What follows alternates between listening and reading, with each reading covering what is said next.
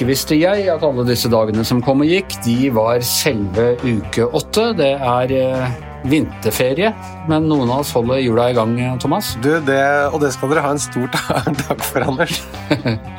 ja, for du inkluderer ikke deg selv i de som holder eh, jula i gang nå? Altså, jeg, du er jo på jobb nå. Jeg er jo på fjellet. Ja, du er på fjellet, ja. Du er på hytta. Jeg er det. Og ja. du, apropos det.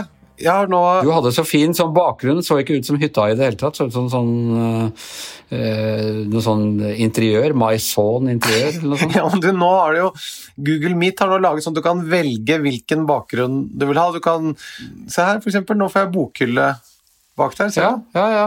Ja, ja, Litt sånn rotete, men intellektuell, sjarmerende intellektuell bokhylle. Ikke sant? Hadde det ikke vært for at du ser skijakka mi, så kunne det sett ut som jeg var hjemme i gamlebyen. Ja, ja, ja, ja ikke sant. Jeg trodde at du var nede på, der på gamlebyen Grønland, grense, grenseområdet der. Men du, jeg, jeg, er jo en ivrig leser av VG-nett, Anders, som du vet. Det vet jeg. Altså, Det virker som det er to ting som er viktigst i verden, og det er korona som jeg kan være enig i er veldig viktig. Ja. Og så er det at det ikke er lov å le på hytta.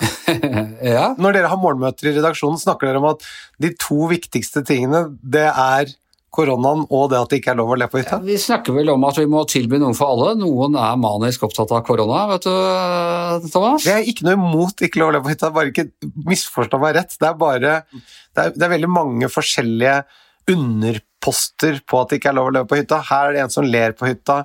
Her holder de på å bryte ut i latter på hytta. Men Thomas, nå høres du liksom ut som mine sånne gamle lærere på forsøksgym som var sånn opptatt av at uh, alt som sto på forsida av avisen måtte være det viktigste i verden, eller så var det juks på en eller annen måte, eller forferdelig, eller da Nei, nei, nei. Og, og jeg, ikke minst del. VG er jo en avis som har blitt, uh, blitt store på nettopp å blande det store og viktige med det litt mer um, trivielle og morsomme. Det er jeg enig i, det er bare at blandingen har uteblitt. Nei, det... Mot slutten av uka her nå så har det tatt seg veldig opp med både ski-VM og TIX og Du, vi skal ha um, Audun Lysbakken på besøk i dag. Du, det gleder jeg meg veldig til. Nå hadde vi jo da eh, Moxnes forrige uke, og nå fortsetter vi på venstresiden å orientere oss. Eh, og det er en ganske stor og potent venstreside. Vi går mot valg med nå. Så hva, hva, de står for er jo interessant, og ikke minst hva som er forskjellen dem imellom. Jeg, jeg er helt enig. Jeg, jeg tenkte på én ting, Anders. Jeg er jo ikke noe skatteøkonom i det hele tatt, men jeg husker en sak i DN uh, som jeg syns var veldig interessant og god, um, som handlet om dette med fritaksmetoden og det norske skattesystemet, og noe som da ble introdusert under den rød-grønne regjeringen, med Kristin Halvorsen som finansminister som jeg har lyst til å spørre Lysbakken om i forhold til mm, dette med økte forskjeller. Ja. Jeg tenkte på den, den saken, Kanskje vi kunne legge ut den saken i Facebook. Hvis du kunne linke til den i Facebook-siden, ja. så kan de som har lyst til å lese Å ja, det er den saken der, ja. den interesserer vel deg. for Er ikke, ikke det sånn du har ordna deg, med fritaksmuligheter i eh, pengebingen, liksom? altså, jeg kan komme tilbake til hva den eh, fritaksmetoden innebærer, men blant annet det å, å ha et holdingselskap var noe som det ble lagt opp til. Altså, altså jeg må bare si jeg fulgte den rød-grønne regjeringens oppfordring. Jeg opprettet holdingselskap, og jeg kjøpte dieselbil. Og begge deler viser seg å være ikke greit. Ja. Så, men det får vi lage Nei. en egen podkast om. altså de velgerne som er så dumme å innrette seg etter de reglene som politikerne lager, hvordan kan vi straffe dem? Det, men det får, det, får, det får, vi snakke med noen politikere om de har tenkt på det. Nå føler jeg at du er bitende ironisk der. jo, men altså Dette er jo Det å følge reglene som blir laget, det, det, kan ikke være det som er problemet. Det må være reglene vi må diskutere. Jo, men det er eh, supert, og da Noe av poenget er jo å få luftet dette med beslutningstakerne, våre folkevalgte, de som uh, tar disse avgjørelsene avgjørelsene, og det får du anledning til nå igjen. Dette er det jeg liker så godt, Anders. Jeg gleder meg til å snakke med Audun Lysbakken. Det blir hyggelig.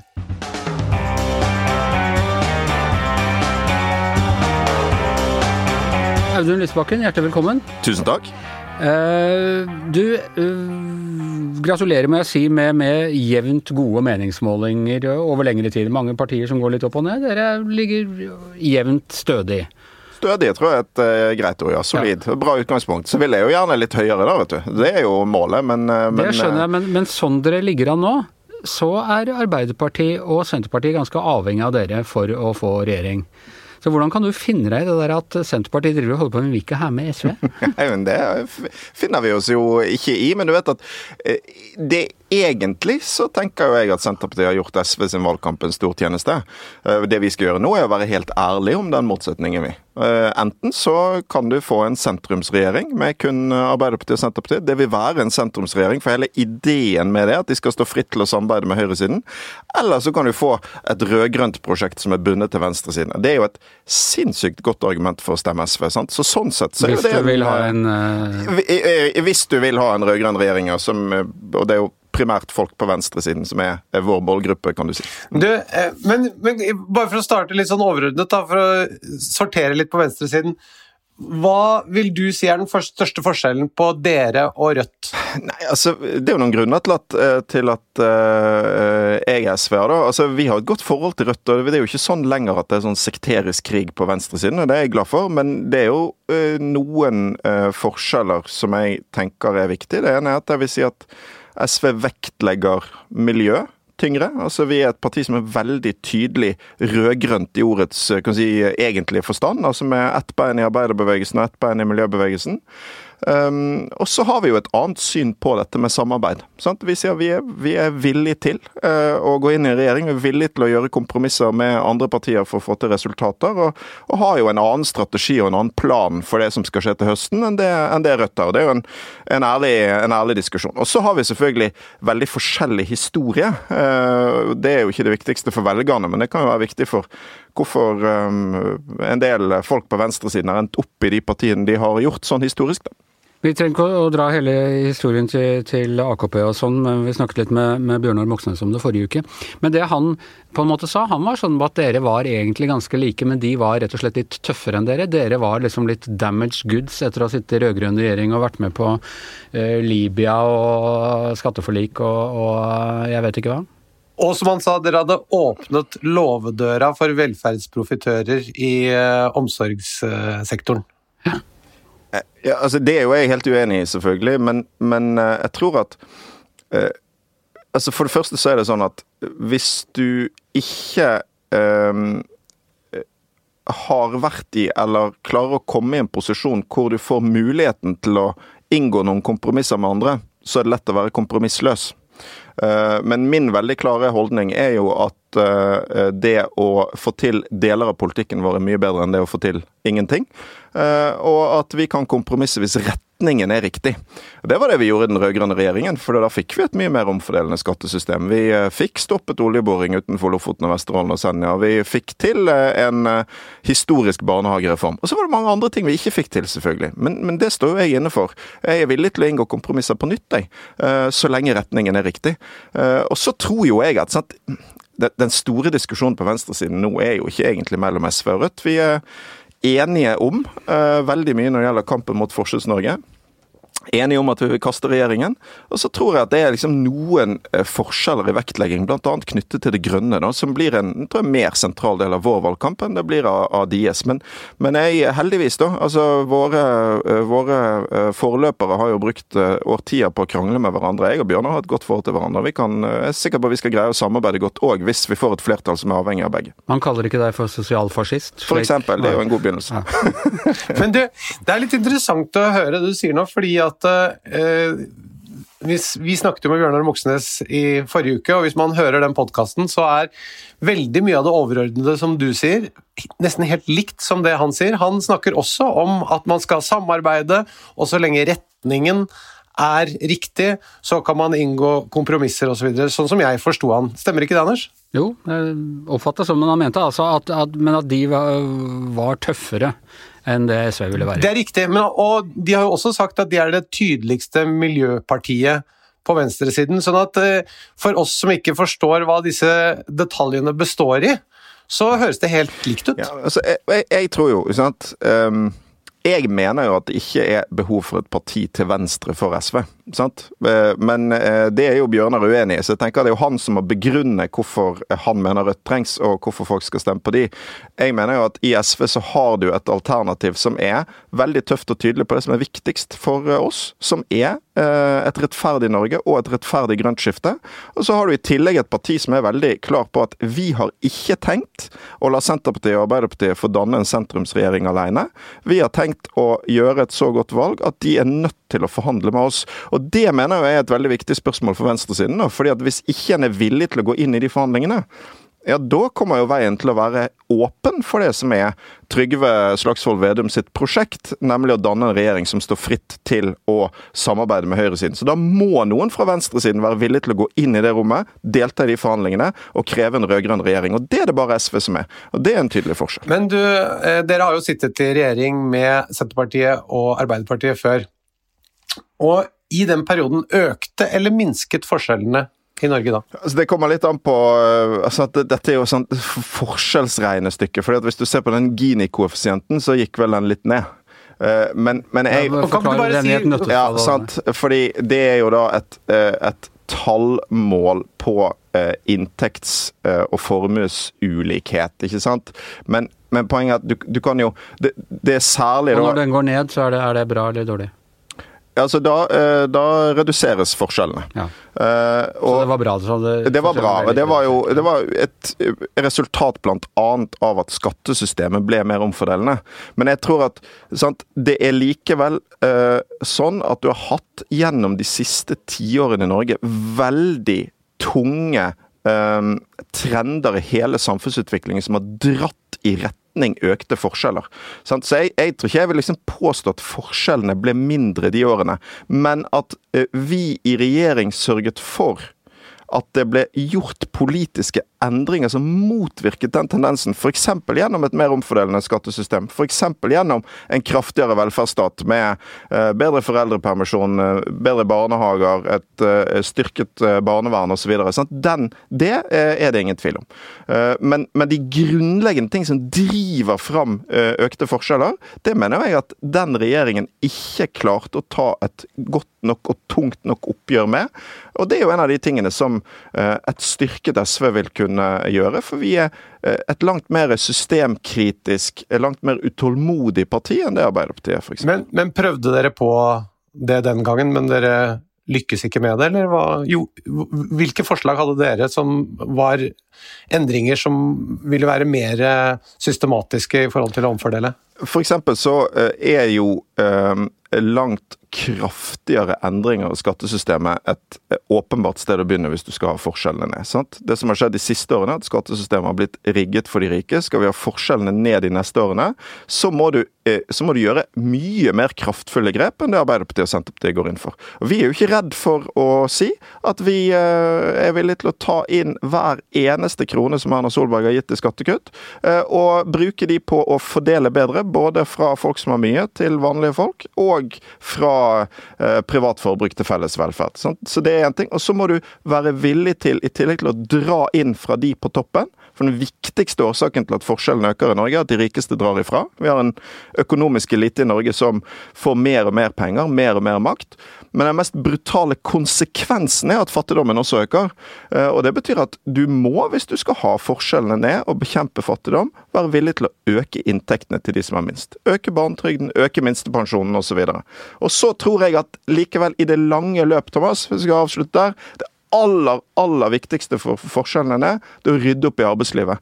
For nå har vi en utvikling i arbeidslivet i Norge hvor eh, Altså, Mange av de yrkesgruppene som tjener minst, har stått helt stille de siste to tiårene, mens eh, de høytlønte drar ifra.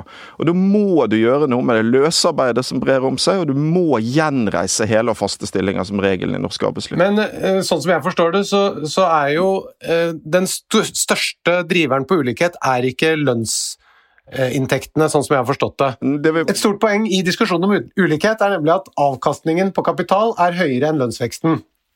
Og den skattereformen som dere var med å innføre i 2006, gjorde at hvis man har et holdingselskap, så kan man ta utbytter fra datterselskaper skattefritt inn i sitt eget holdingselskap. Og da betaler man ikke noe skatt av de av den gevinsten hvis man ikke tar de pengene ut fra holdingselskapet til privat hånd. Sett med SVs øyne, er ikke dette problematisk? At den skattereformen inneholdt en komponent som kanskje var den viktigste driveren av økte forskjeller mellom de som har formue, og de som bare har lønnsinntekt i Norge. Nå tror jeg vi har noe sånn som 380 milliardærer i Norge, eller noe sånt, mens før denne modellen hadde under 100.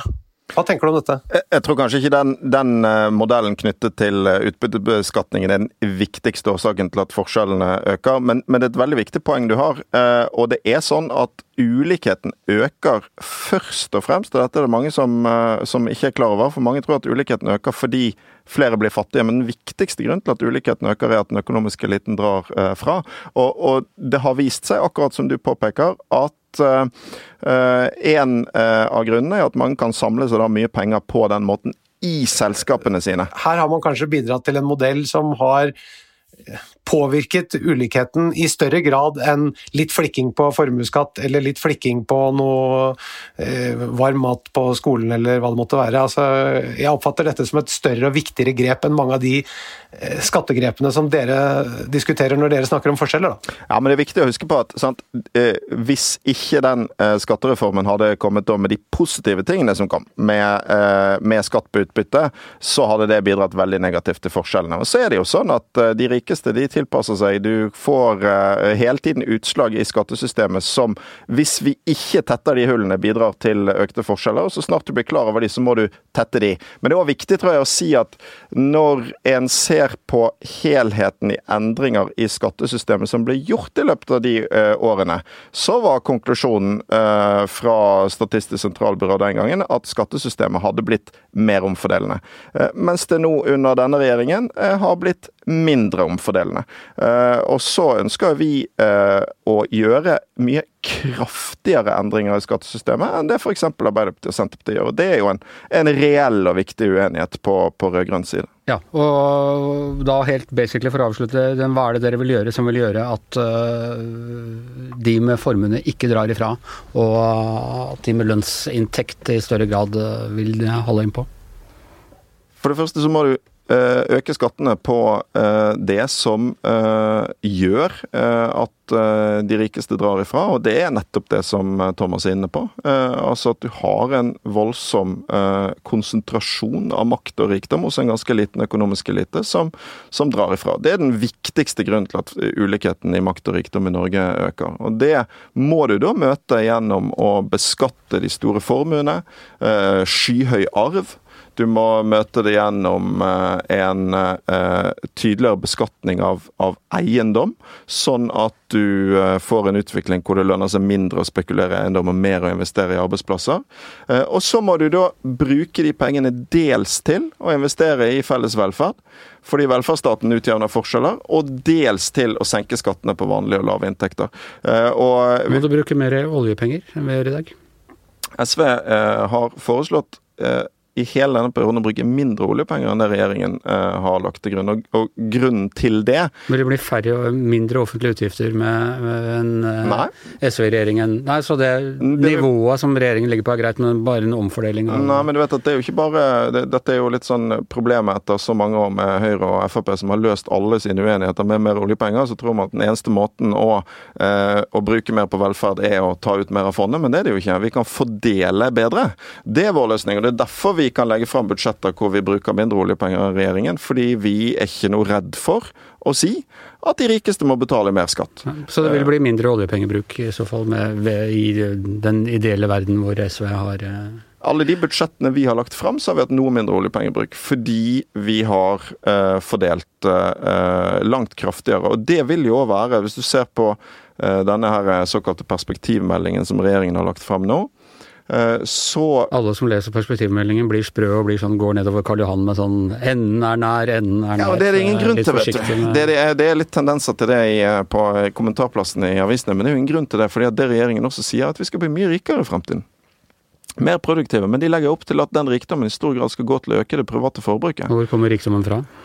Ja, Den kommer jo fra det arbeidet folk i dette landet gjør. Ja, blant annet med å ta opp olje og Ja, selge ja. olje og ja, Ja, ja. Så basert på noe som SV kanskje ikke mener er all verdens fremtid i.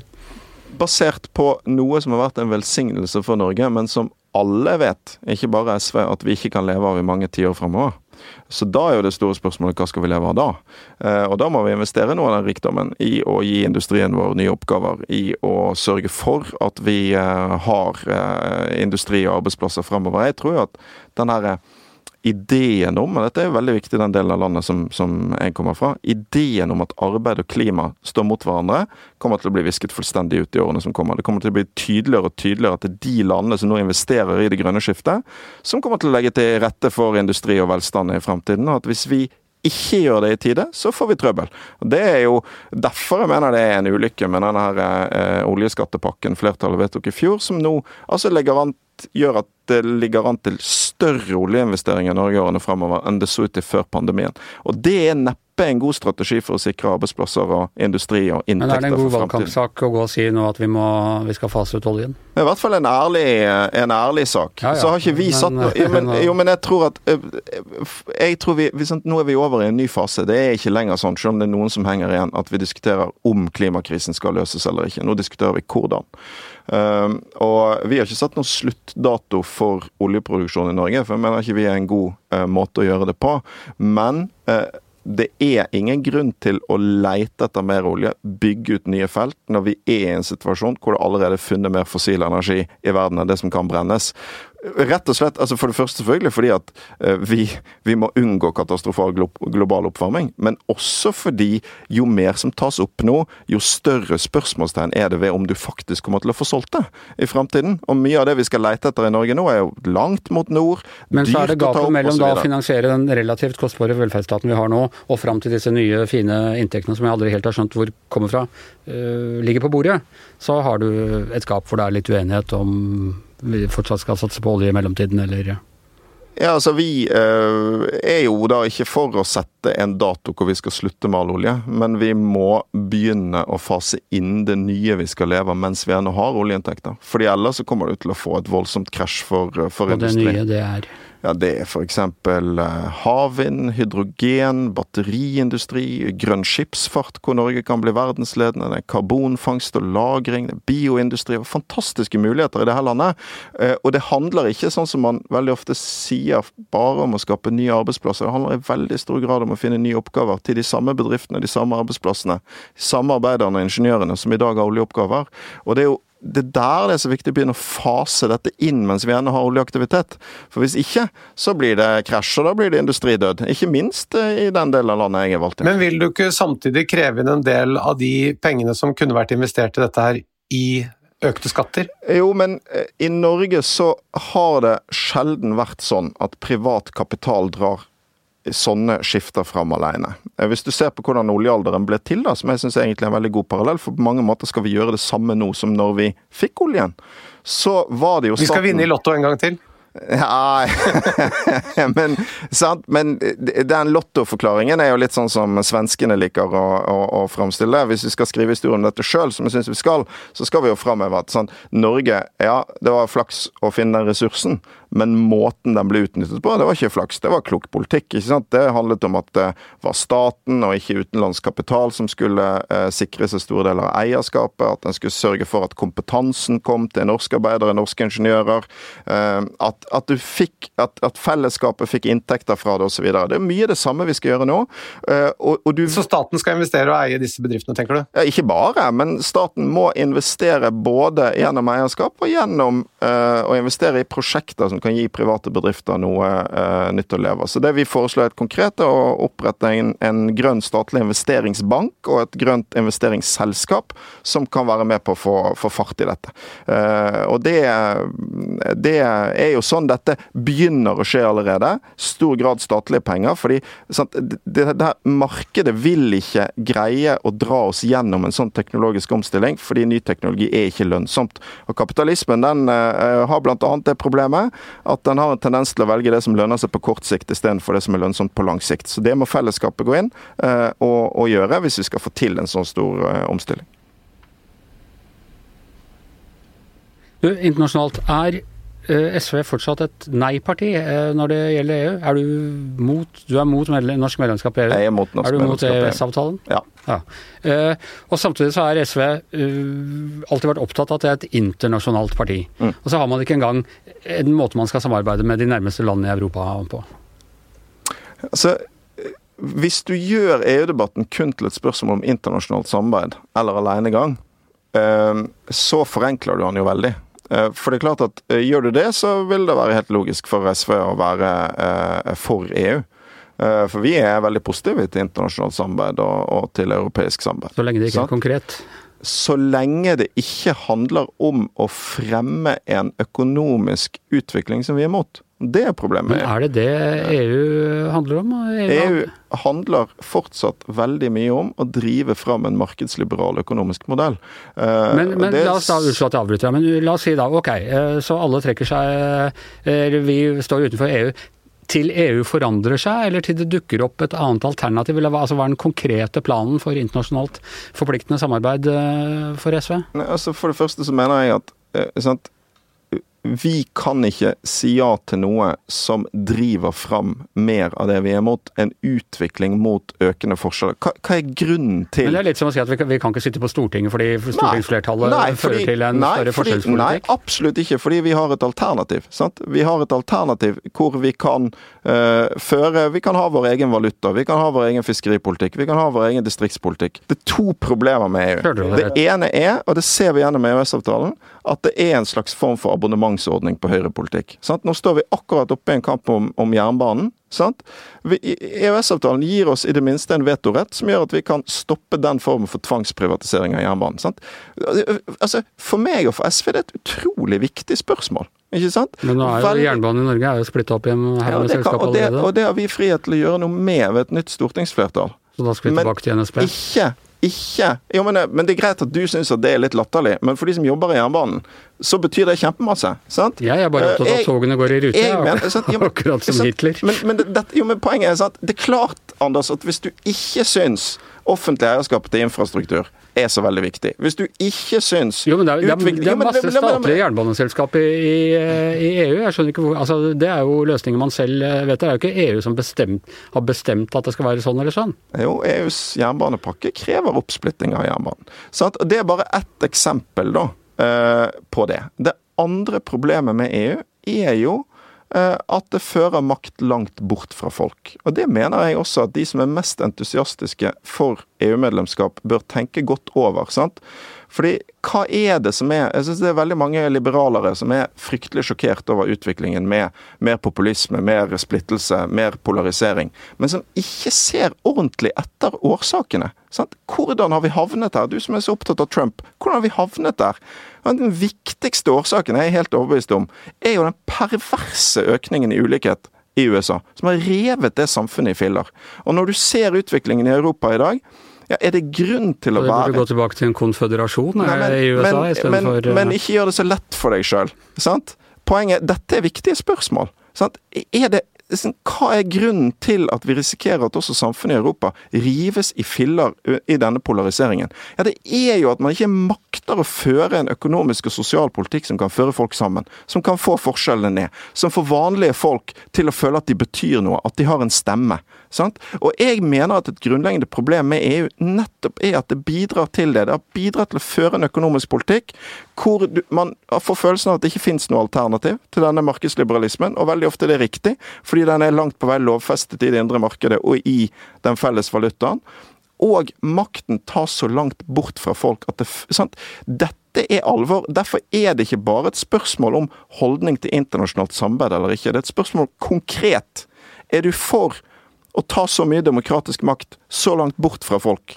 Og er du for den økonomiske modellen som vokser fram i Europa i dag? Og, og mitt svar på begge deler er nei. Men, men selv, altså selv om man kjøper den, det vil jeg si, noe svarte bildet du maler av eh, EU, mm. selv om du kjøper det, så eh, kan du se argumentet for at å være med og styre den utviklingen eh, ved å være med i EU er bedre enn å bare sitte og se og guri malla så fælt det er der. Eh, Nå sitter vi bare og venter på at oljepengene våre skal ta slutt, og så skal vi leve av noen nye alternative ting. Men vi skal i hvert fall ikke være med å styre den samme type utviklingen i Europa. Ja, ja, ja, men du gjør det så lett for deg sjøl når du, liksom, du, du, karikerer mot Du karikerer hva jeg mener. Jeg, det er ikke for det i det hele tatt. Vi, jeg mener at du karikerer EU, ikke sant. Altså at ja, du kan godt ja, altså Brussel og styrt fra Brussel og alle sånne ting, men, men at EU bare er en eneste maskin for å skape større ulikheter, det vil enhver som kjenner EU-systemet Det sa jeg jo ikke, men jeg sa at EU har drevet fram mye av mye den politikken. da.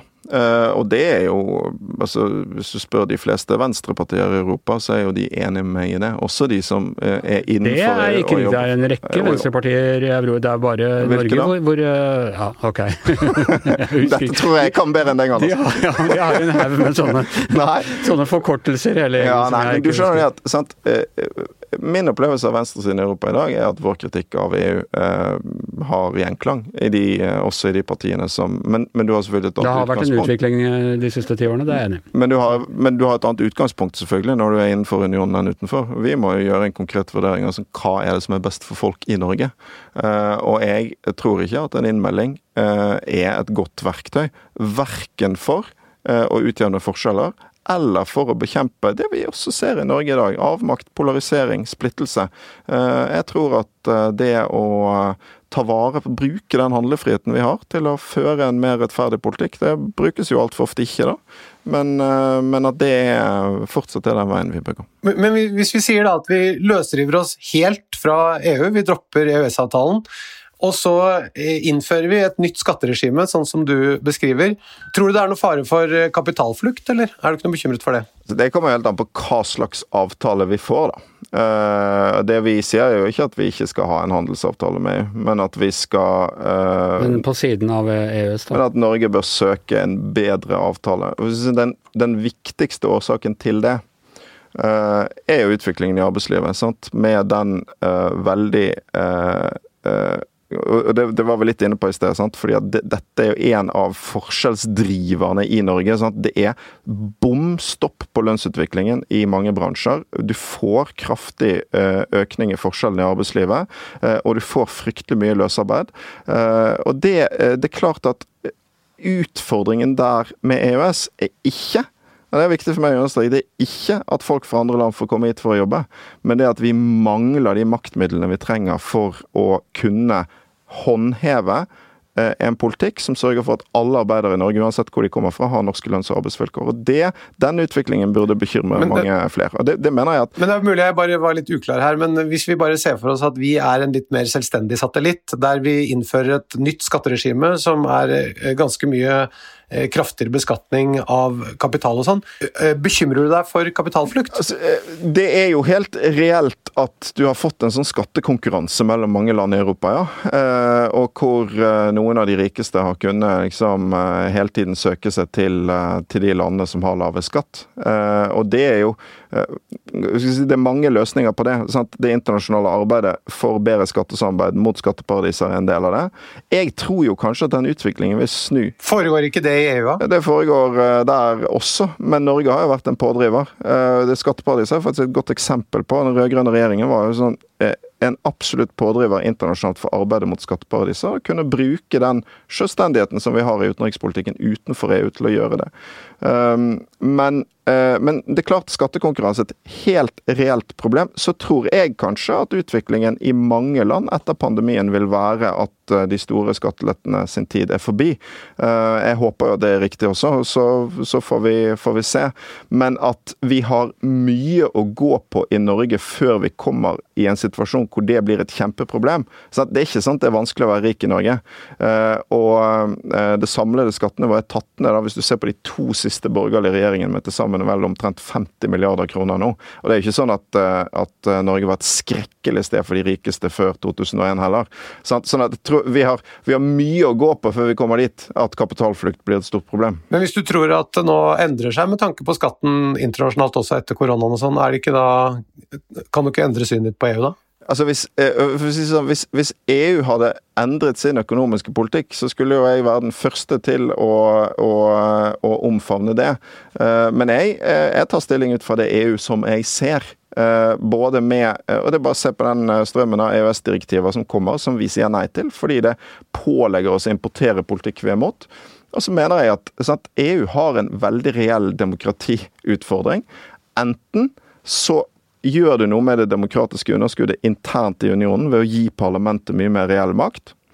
Da, da, vil du lage en mer demokratisk union, men du vil samtidig flytte makten veldig langt bort fra folk i medlemslandene. Eller så, så fortsetter du med den hybridmodellen eh, som du har i dag, som, som jo har et eh, ja, hva er det pleier å kalles, et betydelig demokratisk underskudd, som jeg tror alle er enige om. Mm. Uh, jeg skal gi deg her at du er, du er, veldig tydelig og godt og mot EU.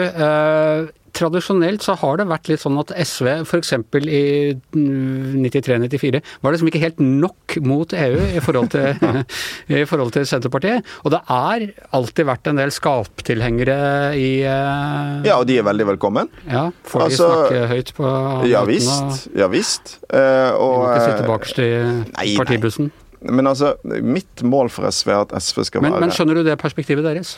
Ja, visst. Om du ikke skjønner mitt? Det skjønner jeg. Absolutt. Uh, fordi, men det, for det jeg har sans for, er folk som uh, er ja-folk, men tar innvendingene på alvor. det, det fins det, det, noen av oss oss. okay, okay. Ja, så det er bare Du kan være for EU, men være det på den rette måten. Ja, nei, men, nei, men altså, jeg mener at Vise større ærbødighet. Nei, ja, nei, men altså, jeg bare mener at de problemstillingene jeg peker på, er veldig reelle. Og hvis, jeg tror jo i en sånn debatt da, at hvis du, hvis du tenker at motstanderen din bare ikke har skjønt det, så da er det ikke, det er ikke så lurt, da. Det er det Fordi... som er med deg, at jeg tror du egentlig har skjønt det. jeg tror du skjønner godt hva jeg snakker om, så det er eh, Ok, men du, vi skal la det ligge. Du, vi, dette har jeg ikke engang forberedt deg på, burde jeg selvfølgelig gjort, men vi, har, vi pleier å avslutte med å uh, spørre alle gjestene om de har kjøpt et eller annet det siste Eh, ukene for ja. å putte penger inn i litt privat kapital inn i økonomien og få hjula til å gå uten, uten bare stimulipakker. For å holde landet i gang. For ja. å holde landet i gang. Så jeg lurer på, har du eh, kjøpt noe de siste ukene utover dagligvarer? Ja, det har jeg. Jeg kjøpte en snowboardbag. Ok, mm. ja. Ja. Snowboardet hadde du fra før av? Uh, ja, eller ungene mine. Det er nemlig uh, Min uh, datter og sønn på ti og ni har fått for seg at de skal bli gode på snowboard. Ja. Mm. Uh, og det, det Men jeg, jeg, har aldri stått på snowboard. Så her, dette er liksom en ting jeg virkelig ikke kan lære de, så de må lære seg det sjøl. Uh, eh, men jeg har i hvert fall bidratt med å kjøpe en bag til ja. brettene. og brettene har de. Men du kjøpte ikke den Det som har blitt så veldig populært i sånne bager, det er et merke som heter douchebag, men det kjøpte du ikke? Nei, Nei det var, dette var på XXL, så det var ikke så avansert. Det var bare ett merke, og det var XXL. Å ja. Oh, ja, ok. Ja, men nei, for de er, det, siden du er så inni dette, Thomas, betyr det at du har kjøpt deg en douchebag, eller? Nei, jeg har ikke det. Men jeg har, jeg har, fått, jeg har fått, mas om at vi skal kjøpe det. Ok. Veldig bra. Jeg, har, jeg har sagt nei. Ja. Er det noe kult med den bagen utover navnet? Eh, det, det, vet jeg ikke. Jeg tror den kanskje har noe hjul og noe sånt som du mm. kan uh, De lager forskjellige bager, men jeg tror det begynte med sånne snowboard-bager. Det er veldig praktisk på fjellet med sånne hjul. ja, du kan trekke den etter deg på opp slalåmbakken. ja. For det er for folk som ikke er her. Som, det er for de som er så lite miljøopptatt at de flyr et sted for å dra på ski eller snowboard. Ja. Da, Der har vi han. Ja. For å få korona og dra på. Men uh, Thomas, hva har du kjøpt, da? Du, uh, jeg har kjøpt meg eh, Jeg vet ikke om du ser eh, hva jeg har på meg her nå, men jeg, jeg har Nei, bare genser. Ja, ja, jeg har kjøpt meg altså nytt nytt sånn ulle ullundertøy. Igjen. Ja, ja. ja, nei, det ser jeg heldigvis ikke. ja, Men jeg har det jo oppi halsen her. Du oh, ja, ser sånn, trøyen. Ja. Ser du ikke den med glidelåsen her? Jo, jo, jeg ser du har glidelås der, ja. Er det sånn supervarmt uh... det, det, er, det, er, det, er, rent ull. Jeg er ikke noe glad i sånn uh, syntet... Uh, sånn som det blir elektrisk av? Nei. Ja, og som lukter så jævlig. Altså, mm. det, du, du, svetter i det et par ganger, og så lukter det. Mens ull, det er jo helt fantastisk. Det lukter jo ikke, ingenting. Bør ikke vaske det. yeah, mm, the mind boggles. Nei, litt glad du sitter på hytta og ikke i studio, for her er det litt tett. Så da hadde den luktgreia satt seg, blitt satt på en prøve. Men det er ikke lukt her. Det, det er det som nei. er så fint. Okay. Hva har du kjøpt, Anders? Ellers har du sittet i lukten så lenge at du ikke kjenner den. det, det, kan selvfølgelig hende. Som du ser, jeg sitter jo på et lite ja. Lystloft her oppe, så det er mulig at jeg bare har laget en sånn liten hule hvor det bare stinker. Men, eh, for jeg har ikke hatt noe besøk her heller. Nei. Barna og de andre er nede. De er nede og leker med douchebagen. Nei, den har de ikke fått, men det er kanskje en grunn til at de er nede. Nemlig at det lukter så forferdelig der oppe. det kan jo være. På kontoret til pappa. Men du, hva har du kjøpt, Anders? Nei, du, bare et lite supplement til den stolen som jeg skrøt av forrige uke, som jo er en sånn øh, egg, eggformet sak som jeg kryper inn i. Ja. Så fant jeg ut at det, det den mangler er jo lys. Så du skal sitte inni der og lese, så er det ganske mørkt. Dunkelt for disse gamle øynene. Så jeg har kjøpt meg en sånn bitte liten sånn lyspenn som gir meg lys i hulen når jeg skal lese. Nettopp. Så du begynner å rigge et slags lite rede inni Ja, der? det er definitivt et lite rede inni der. Altså lesebriller sånn der. Så jeg kjøpte meg en bok forresten da, som jeg sitter og leser. Og, og Har du jeg får- koppholder? Ja, det må jeg få meg. Og kanskje innlagt vann og sånn etter hvert også. Så, trenger jeg ikke å komme ut før koronapandemien er over. Til og med lage podkasten derfra. Det, det, det høres ut som et fint lite rede. Det er det. Ok, eh, og med det så er eh, Giæver og Gjertsen eh, over for denne gang. Tusen takk til Audun eh, Lysbakken som eh, kom hit midt i vinterferien. Tusen takk til eh, Thomas Gjertsen som er på hytta. Jeg heter Anders Giæver, og mannen som styrer hele podkasten med jernhånd, ikke fra Brussel, men tidvis fra Tønsberg, er produsent Magne Antonsen.